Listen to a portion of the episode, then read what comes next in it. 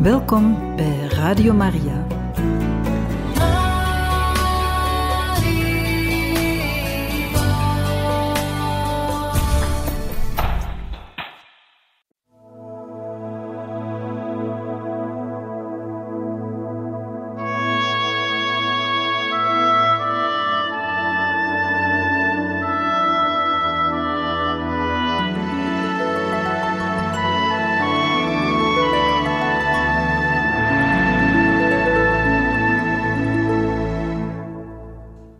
Beste luisteraars van Radio Maria, in dit programma Heilige Getuigen gaan we weer verder met de lezing van het boek over Johannes van het Kruis, met de titel Geboren uit Gods adem, geschreven door Crisogono de Jesus.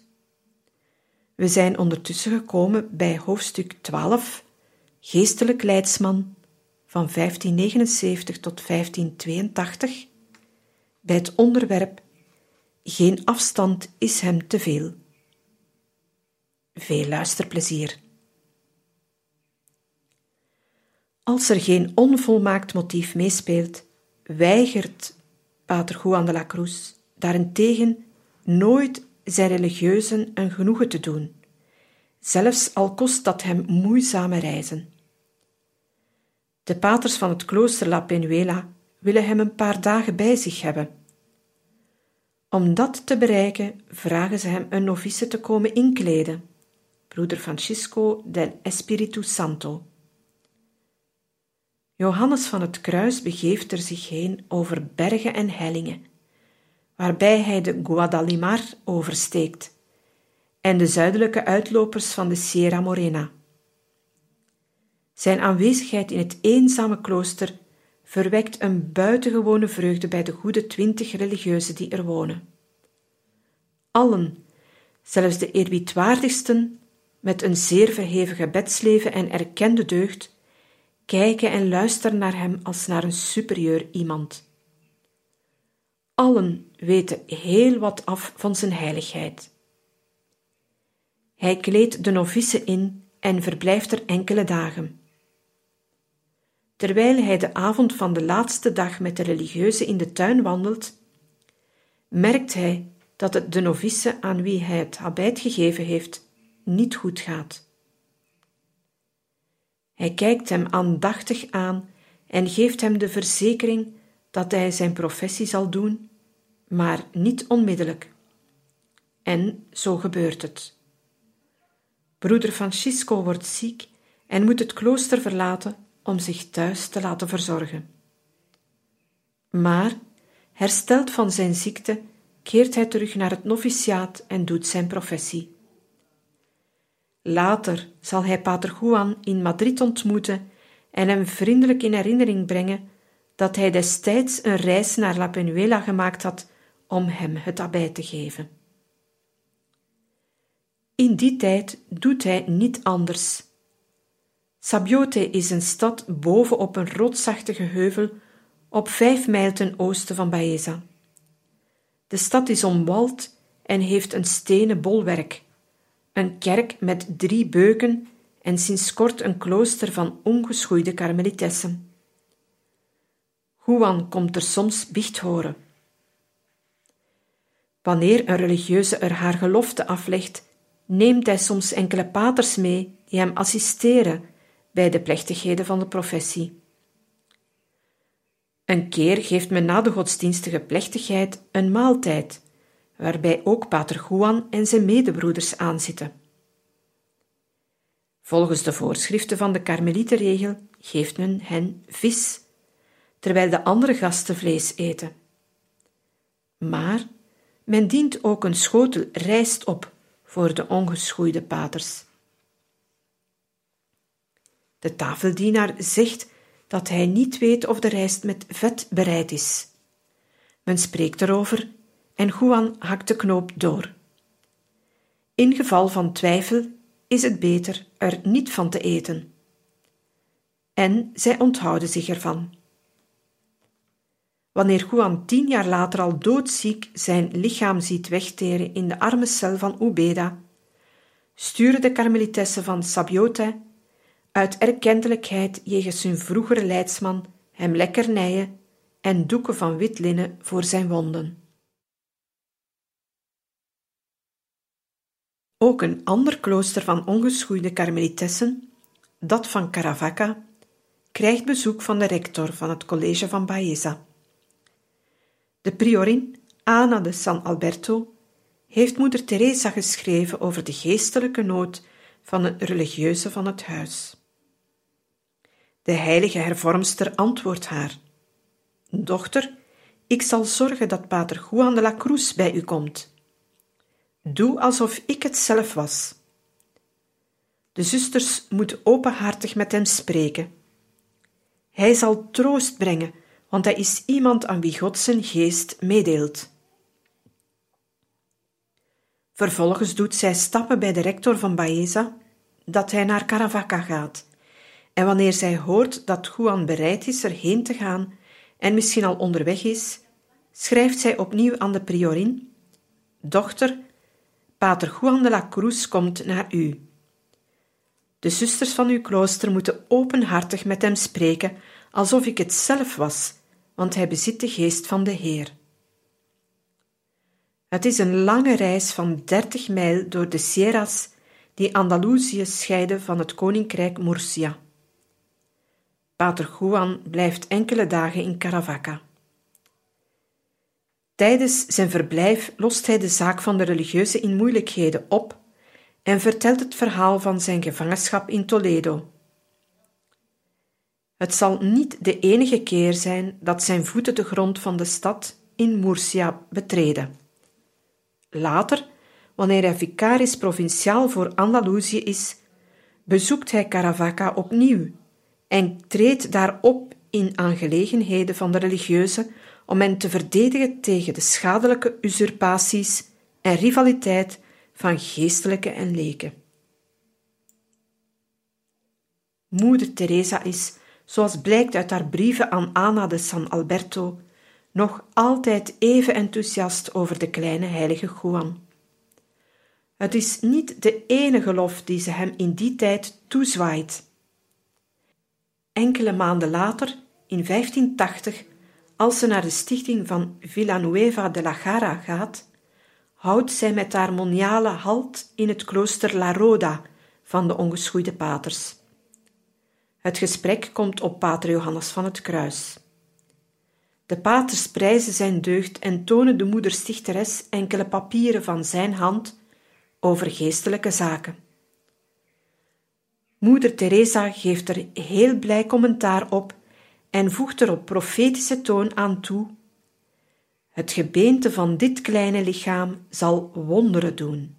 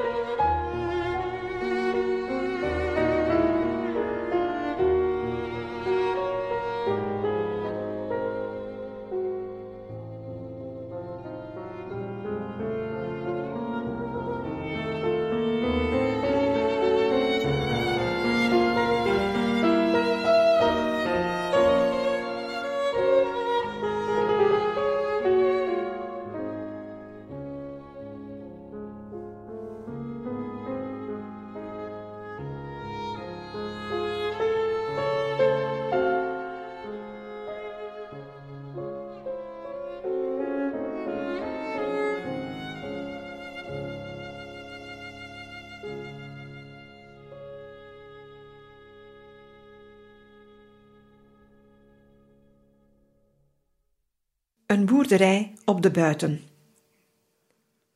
In de aanhoudende en veelvuldige activiteit waartoe hem zijn taak als rector van Baeza en zijn functies van biechtvader en geestelijk leidsman van moniale en seculiere verplichten, vindt Juan enkele dagen rust op de boerderij Santa Ana, op het grondgebied van Castellar de Santisteban. Het is een hoeve die ongeveer tien mijl ten noordoosten van Baeza ligt. Die is hun geschonken door een geestelijke uit Castellar, die rond die tijd gestorven is. Juan neemt de verantwoordelijkheid ervoor op namens de communiteit van Baeza. Voor de inrichting heeft hij er twee paters en twee lekenbroeders heen gezonden. De paters zijn Juan de Jesus el Santo en Juan de Santa Ana. Beide zijn metgezellen van Johannes van het Kruis sinds de stichting van het college van Baeza.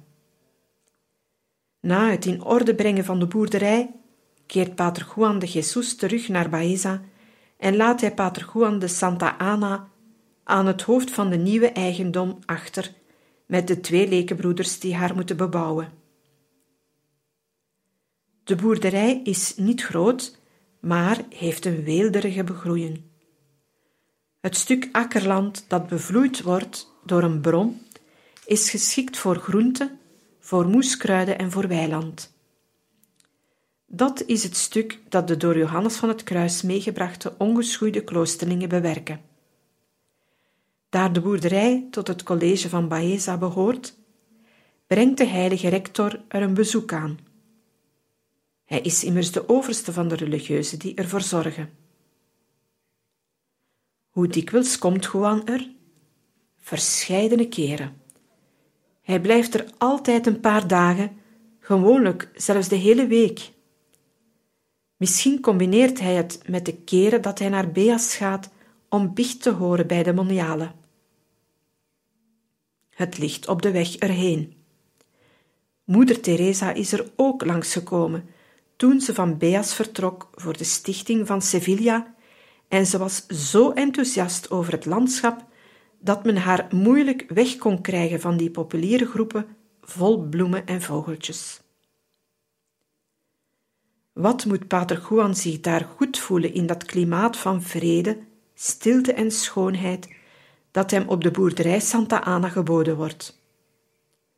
Men vindt er de rust van de eenzaamheid, het zachte gekabbel van het water, uitgestrekte horizonten vol licht, de geur van wilde rozen, tijm en rozemarijn. Het is beslist niet de sfeer van Baeza. Zoals gewoonlijk geniet Juan er niet op zijn eentje van. Als metgezel neemt hij pater Juan de Santa Ana mee, die als overste van het kleine huis optreedt, en samen met hem gaat hij door de velden langs de oevers. Pater Rector kan zich niet inhouden. Hij barst uit in lofzangen en hymnen.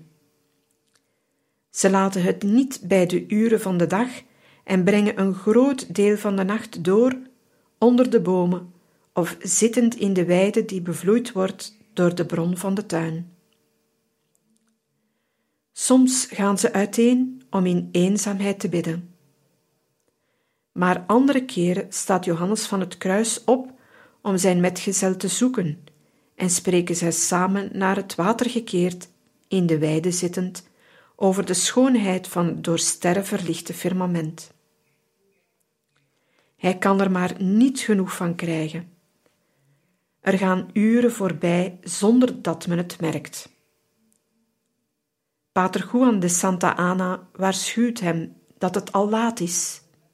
Men moet rusten, ook de dauw van de nacht kan hen kwaad doen.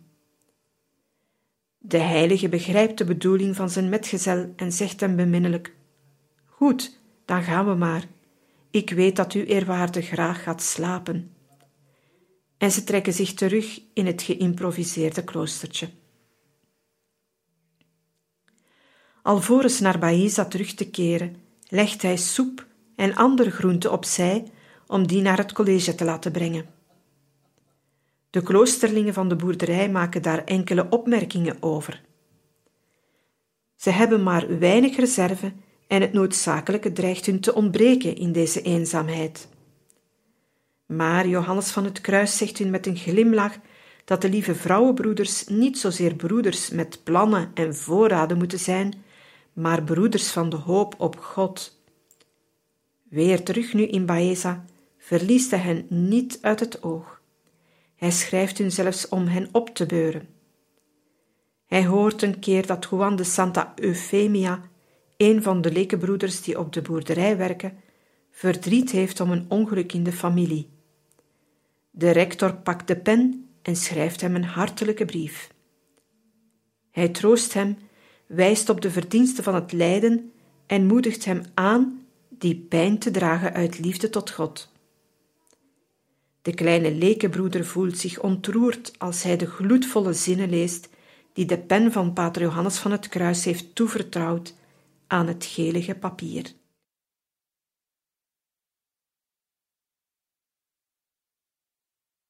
Hoofdstuk 13 Twee reizen in Castilië in 1581 Eindelijk de zo gewenste breven. Zomer 1580 In de kloosters van de hervorming heersen de vreugde en de blijheid van een feest. Er is bericht gekomen dat paus Gregorius XIII op 22 juni de zo gewenste en zo moeizaam nagestreefde breven heeft uitgevaardigd van de splitsing van de geschoeide en de ongeschoeide karmelieten in twee afzonderlijke provincies. Het is de gelukkige afloop van een lange en pijnlijke strijd die het bestaan van de karmelietenhervorming bedreigde. Moeder Teresa, oud en moe intussen, zo toegetakeld door de algemene epidemie die haar in het klooster van Valladolid tot op de drempel van de dood had gebracht, voelt zich weer jong als ze het goede nieuws krijgt. Ze wordt niet moe haar dochters te schrijven dat ze de Heer moeten dankzeggen. 25 jaar lang had zij gestreden en geleden om haar werk in zekerheid gesteld te krijgen.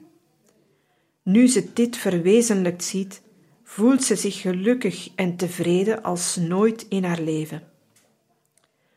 Op dat ogenblik denkt ze aan Philips II, onze heilige koning, aan wie zij terecht een deel van het bereikte succes toeschrijft. Ze vraagt dat men voor hem bidt, terwijl ze van haar dochters, om te beantwoorden aan de van God ontvangen weldaad, tegelijk vraagt geen enkele gelegenheid te verzuimen om in volmaaktheid te groeien. Terugblik. Het proces was gecompliceerd en heeft lang geduurd. Sinds 30 augustus 1577, de datum waarop de nuntius Felipe Sega in Madrid kwam, werd de hervorming vaak door het gevaar van verdwijnen bedreigd. Doordat ze zou zijn opgegaan in de vroegere observantie. Sega kwam in Spanje met eenzijdige informaties. Hij kende de ongeschoeide slechts van wat de geschoeide capitulanten van Piacenza in Rome over hen gezegd hadden. De ongeschoeide waren in zijn ogen dus dwarsliggers, rebellen en geëxcommuniceerden.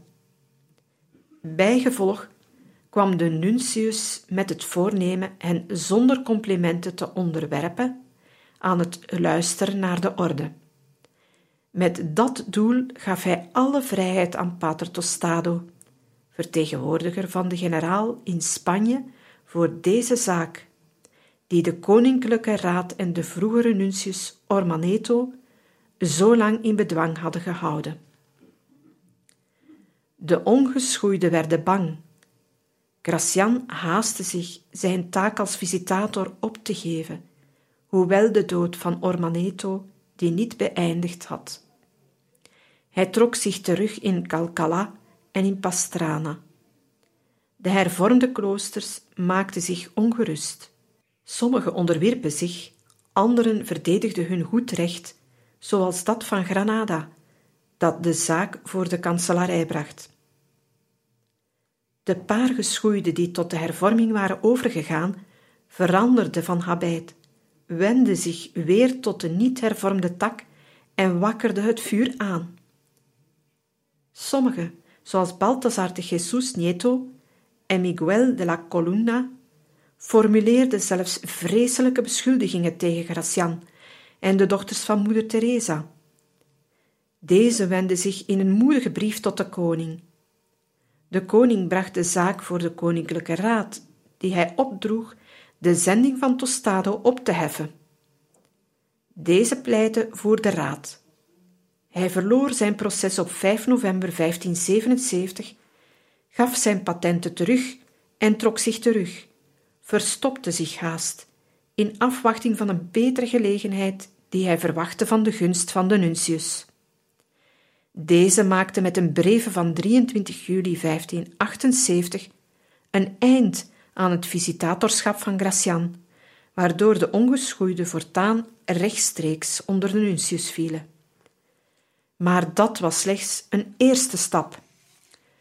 De madre betoonde met haar dochters uit Segovia onmiddellijk gehoorzaamheid aan Felipe Sega. Ze smeekt hem hen niet uit te leveren in handen van de geschoeide, want ze weten dat Tostado de hervorming komt vernietigen. Er is duidelijk wrijving tussen enerzijds de koning en zijn raad en anderzijds de nuntius. Deze spant zich in om Tostado te handhaven. Philips II en de koninklijke raad daarentegen ontzeggen, na een minutieus onderzoek van papieren en documenten, de nuntius het recht Gracian te ontheffen van zijn taak als visitator. De koning geeft de ongeschoeide tenslotte opdracht de geloofsbrieven van de geschoeide die op visitatie zouden komen in te houden, daar de nuntius de daartoe strekkende patenten niet getoond heeft. Maar de ongeschoeide durven niet. Ze betonen gehoorzaamheid aan de nuntius, terwijl Gracian in Pastrana de afgezante van de nuntius de documenten ter hand stelt, die hij van Nuntius Ormaneto ontvangen had om op visitatie te gaan. Het antwoord van Sega op die deemoedige houding van de ongeschoeide bestaat erin dat hij Gracian, Ambrosio Mariano, Juan de Jesus Roca en Antonio de Jesus gevangen laat zetten. Wanneer Pater Rocca erin slaagt een onderhoud met de nuntius te hebben en hem spreekt over de deugd van moeder Teresa, de stichteres van de ongeschoeide, onderbreekt de nuntius hem en noemt de madre een onrustige en zwerfzieke vrouw, die hardnekkig weigert te gehoorzamen en onder het voorwendsel van godsvrucht slechte leerstellingen uitvindt. Als de eerste storm bedaard is, komt er een moment van rust. Pater Rocca zet tegenover de nuntius de vrees van de ongeschoeide uiteen, zich aan de geschoeide onderworpen te zien, omdat dit natuurlijk het gevaar meebrengt dat ze vernietigd worden. Sega stelt hem gerust. Ik geef u mijn woord, u niet aan de geschoeide te onderwerpen. Maar dan komt het de nuntius ter oren dat men in opdracht van de koninklijke raad zijn patenten inhoudt. Hij ziet daar een slinkse streek van de ongeschoeide in en besluit wraak te nemen door hen geheel aan de paters van de oude observantie te onderwerpen.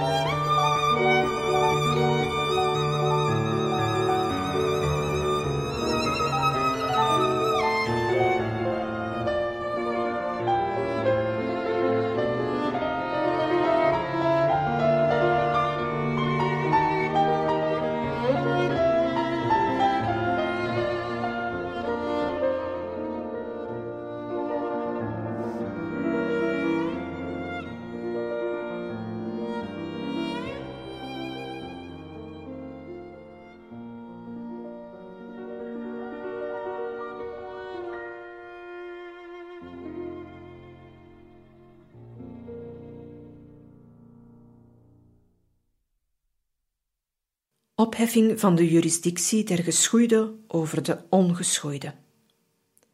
Het ingrijpen van de graaf van Tendilla ten gunste van de hervorming leidt tot een klacht van de nuncius bij de koning. Hij protesteert tegen wat hij een inmenging in zijn bevoegdheden acht. De koning geeft de nuncius op dit punt gelijk, maar hij zegt hem tegelijk: Ik ben ingelicht over de tegenstelling die er bestaat tussen de geschoeide en de ongeschoeide. Men moet die verdacht achten, want ze is gericht tegen mensen die een rigoureuze volmaaktheid nastreven. Men zegt me dat u de ongeschoeide niet helpt. Deze woorden van Philips II zijn beslissend. De nuncius vraagt dat er een soort commissie wordt gevormd om het geschil tussen geschoeide en ongeschoeide te onderzoeken. De koning benoemt Don Luis Manrique, zijn eigen almoezenier. Verder pater Lorenzo de Villavicencio, een Augustijn, en de paters Hernando del Castillo en Pedro Fernandez, Dominicanen. Het is al begin maart 1579. Het eerste besluit van die commissie is dat de nuncius de ongeschoeide ontheft van de juridictie van de paters van de niet hervormde tak, waaraan hij hen had onderworpen, en dat hij hun een vicaris-generaal geeft. Dat zal pater Angel de Salazar zijn. Die beslissing bevalt Monseigneur Sega niet, maar toch schrijft hij op 1 april de benoemingsbrief. Deze luidt: Met vaderlijke genegenheid de vrede, de rust en de geestelijke vooruitgang wensend van genoemde mannelijke en vrouwelijke religieuzen van de oorspronkelijke regel, lijkt het ons goed tot herroeping over te gaan. En herroepen, breken en annuleren wij bij deze krachtens het apostolisch gezag dat wij genieten, de genoemde onderwerping van de mannelijke en vrouwelijke religieuzen, van de eerste regel aan de gehoorzaamheid van genoemde paters provinciaals. Vervolgens benoemt hij tot vicaris-generaal van de ongeschoeide pater Angel de Salazar. De brief krijgt als bijlage door Manrique, Villavicencio, Castillo en Fernandez ondertekende concrete instructies, die het tegendeel zijn van de op het generaalkapitel van Piacenza gedicteerde beschikkingen tegen de hervorming van Moeder Teresa. Een afzonderlijke provincie. 15 juli is het rapport van de commissie gereed en men dient het in bij de koning. Het is eigenlijk het mea culpa van de nuntius voor wat zijn vroegere houding tegenover de ongeschoeide betreft.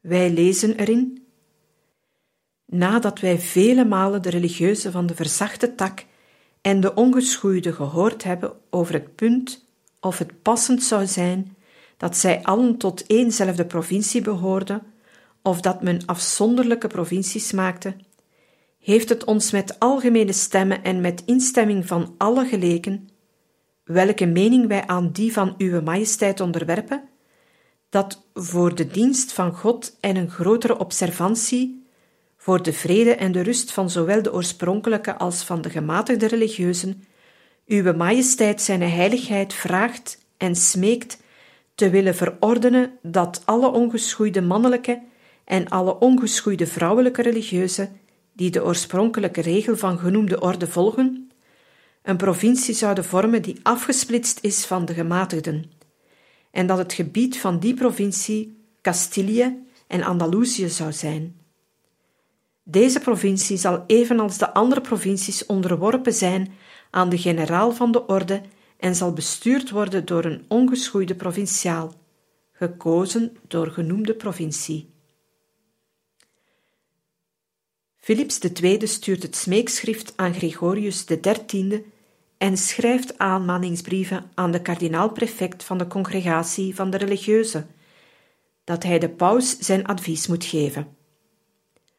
Ondertussen begeven twee ongeschoeide, de paters Juan de Jesus Roca en Diego de la Trinidad, zich snel op weg naar Rome om er te onderhandelen over de gunstige uitvaardiging van de breven.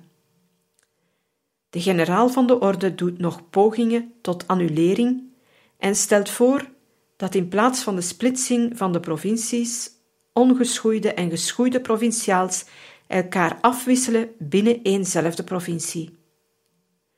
Maar het voorstel van Philips II wint het en op 22 juni 1580 ondertekent paus Gregorius XIII de zozeer verlangde splitsingsbreven. Deze breven bereikt de koning van Spanje op 15 augustus, te Badajoz, terwijl hij in die grensstad zijn intocht als soeverein van Portugal voorbereidt. Op die datum was het pauselijk document nog niet aangekomen in Spanje, maar het nieuws van het toestaan van de breven was er al verbreid en met name vanuit Rome medegedeeld door de twee ongeschoeiden die zich daar bevonden. Johannes van het Kruis krijgt het bericht te Baeza op 5 augustus.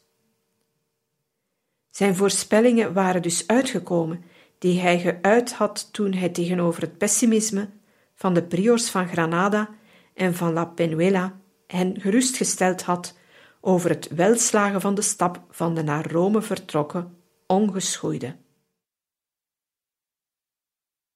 Zes maanden verstrijken er met voorbereidselen voor de tenuitvoerlegging van de breven. De paus had die toevertrouwd aan de aartsbisschop van Sevilla, Don Cristobal de Rojas y Sandoval, maar deze sterft de Chigales in de provincie Valladolid, terwijl hij zich gereed maakte zijn opdracht uit te voeren. De koning vraagt de paus Gregorius XIII die nu toe te vertrouwen aan pater Pedro Fernandez, de vroegere apostolisch commissaris van de Karmelitenorde. Maar wanneer pater Geronimo Gracian hem in opdracht van de koning de papieren met die opdracht komt overhandigen, vindt hij hem stervende in zijn klooster te Salamanca. Deze grote Dominicaan en illustere beschermer van de hervorming sterft op 22 november. De koning richt een nieuw smeekschrift tot de paus om ditmaal tot executeur van de breven pater Juan de las Cuevas te benoemen, eveneens een Dominicaan en prior van Talavera de la Reina. Paus Gregorius XIII willigt het verzoek van de monarch in en op 4 januari 1581 komt dan het nieuwe pauselijk document in Spanje aan. Men deelt de benoeming snel mee aan de belanghebbenden. Pater Juan de las Cuevas betrekt Pater Gracian bij zijn werk. Deze stelt de convocatie voor het kapitel op en stuurt deze op 1 februari naar alle hervormde kloosters. Ze bevatten een oproep volgens de strekking van de breven tot een provinciaal kapitel van uitsluitend ongeschoeide. Het zal op 3 maart gehouden worden te Alcalá de Henares. Een van die convocaties is bestemd voor de rector van Baeza. 4 tot 16 maart 1581 de ongeschoeide in kapitel.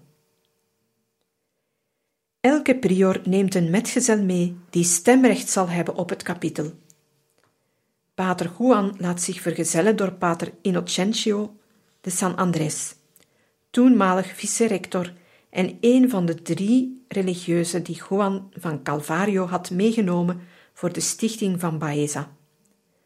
Het is een lange reis van het oosteinde van Andalusië naar het hartje van Castilië, heel La Mancha door. Op het kapitel is het kruim van de hervorming bijeen.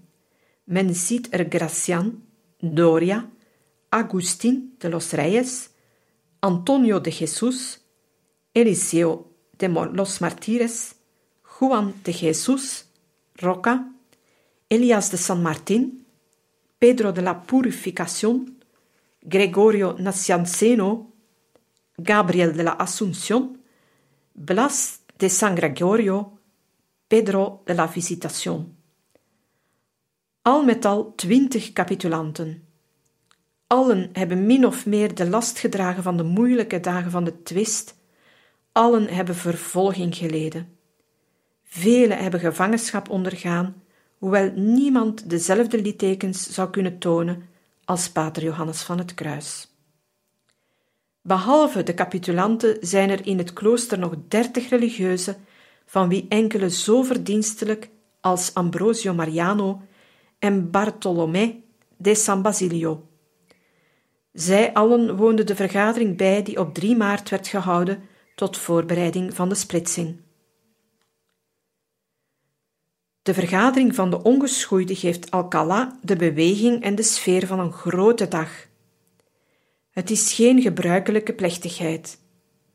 Alle elementen van de stad komen er deel aan nemen en beschouwen het feit als iets dat van hen is.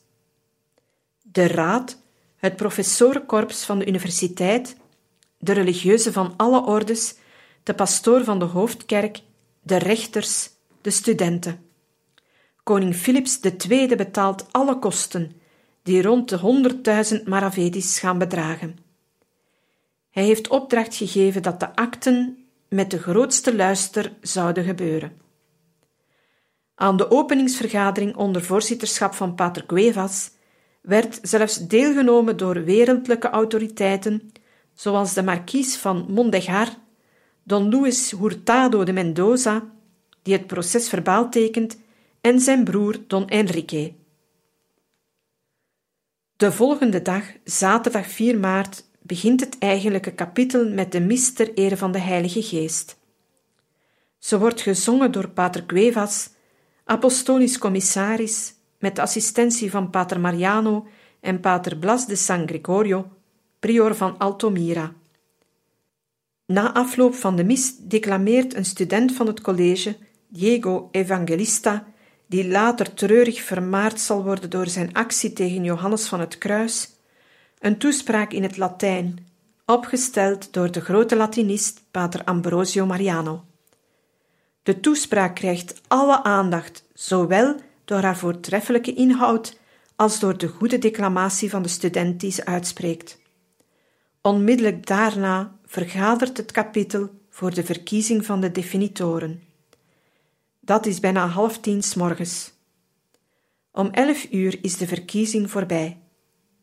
Gekozen werden pater Nicolas de Jesus Maria Dora, prior van Pastrana, pater Antonio de Jesus, prior van Manchera, pater Juan de la Cruz, rector van Baeza, en pater Gabriel de la Asunción, socius van La Roda.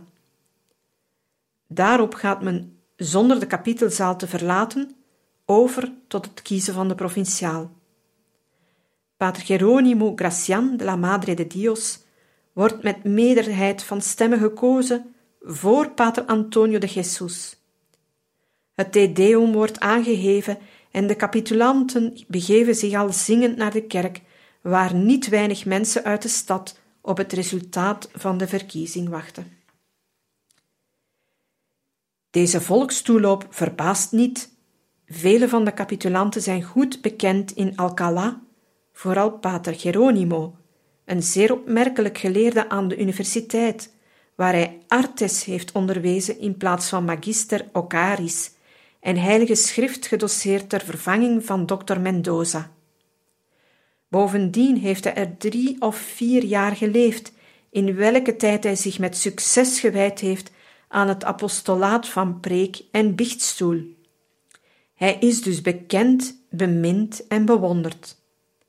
Hetzelfde geldt voor pater Johannes van het Kruis, de eerste rector van dat huis. Het moeten er vele geweest zijn die de eerbiedwaardige gestalte van de nederige, ongeschoeide pater kenden, die zij zo dikwijls op straat hebben gezien in de periode van de organisatie van het Karmelietencollege. Voortaan heet dat college naar de heilige wiens feestdag gevierd werd op de dag van het kapitel, het Sint Cyrillus College. Beste luisteraars, we beëindigen hier voor vandaag de lezing uit het boek over Johannes van het Kruis en we gaan volgende keer verder met het hoofdstuk 13, Twee reizen in Castilië in 1581, bij het onderwerp Missa Solemnis Disputen eigen constituties. Bedankt voor het luisteren en graag tot volgende keer.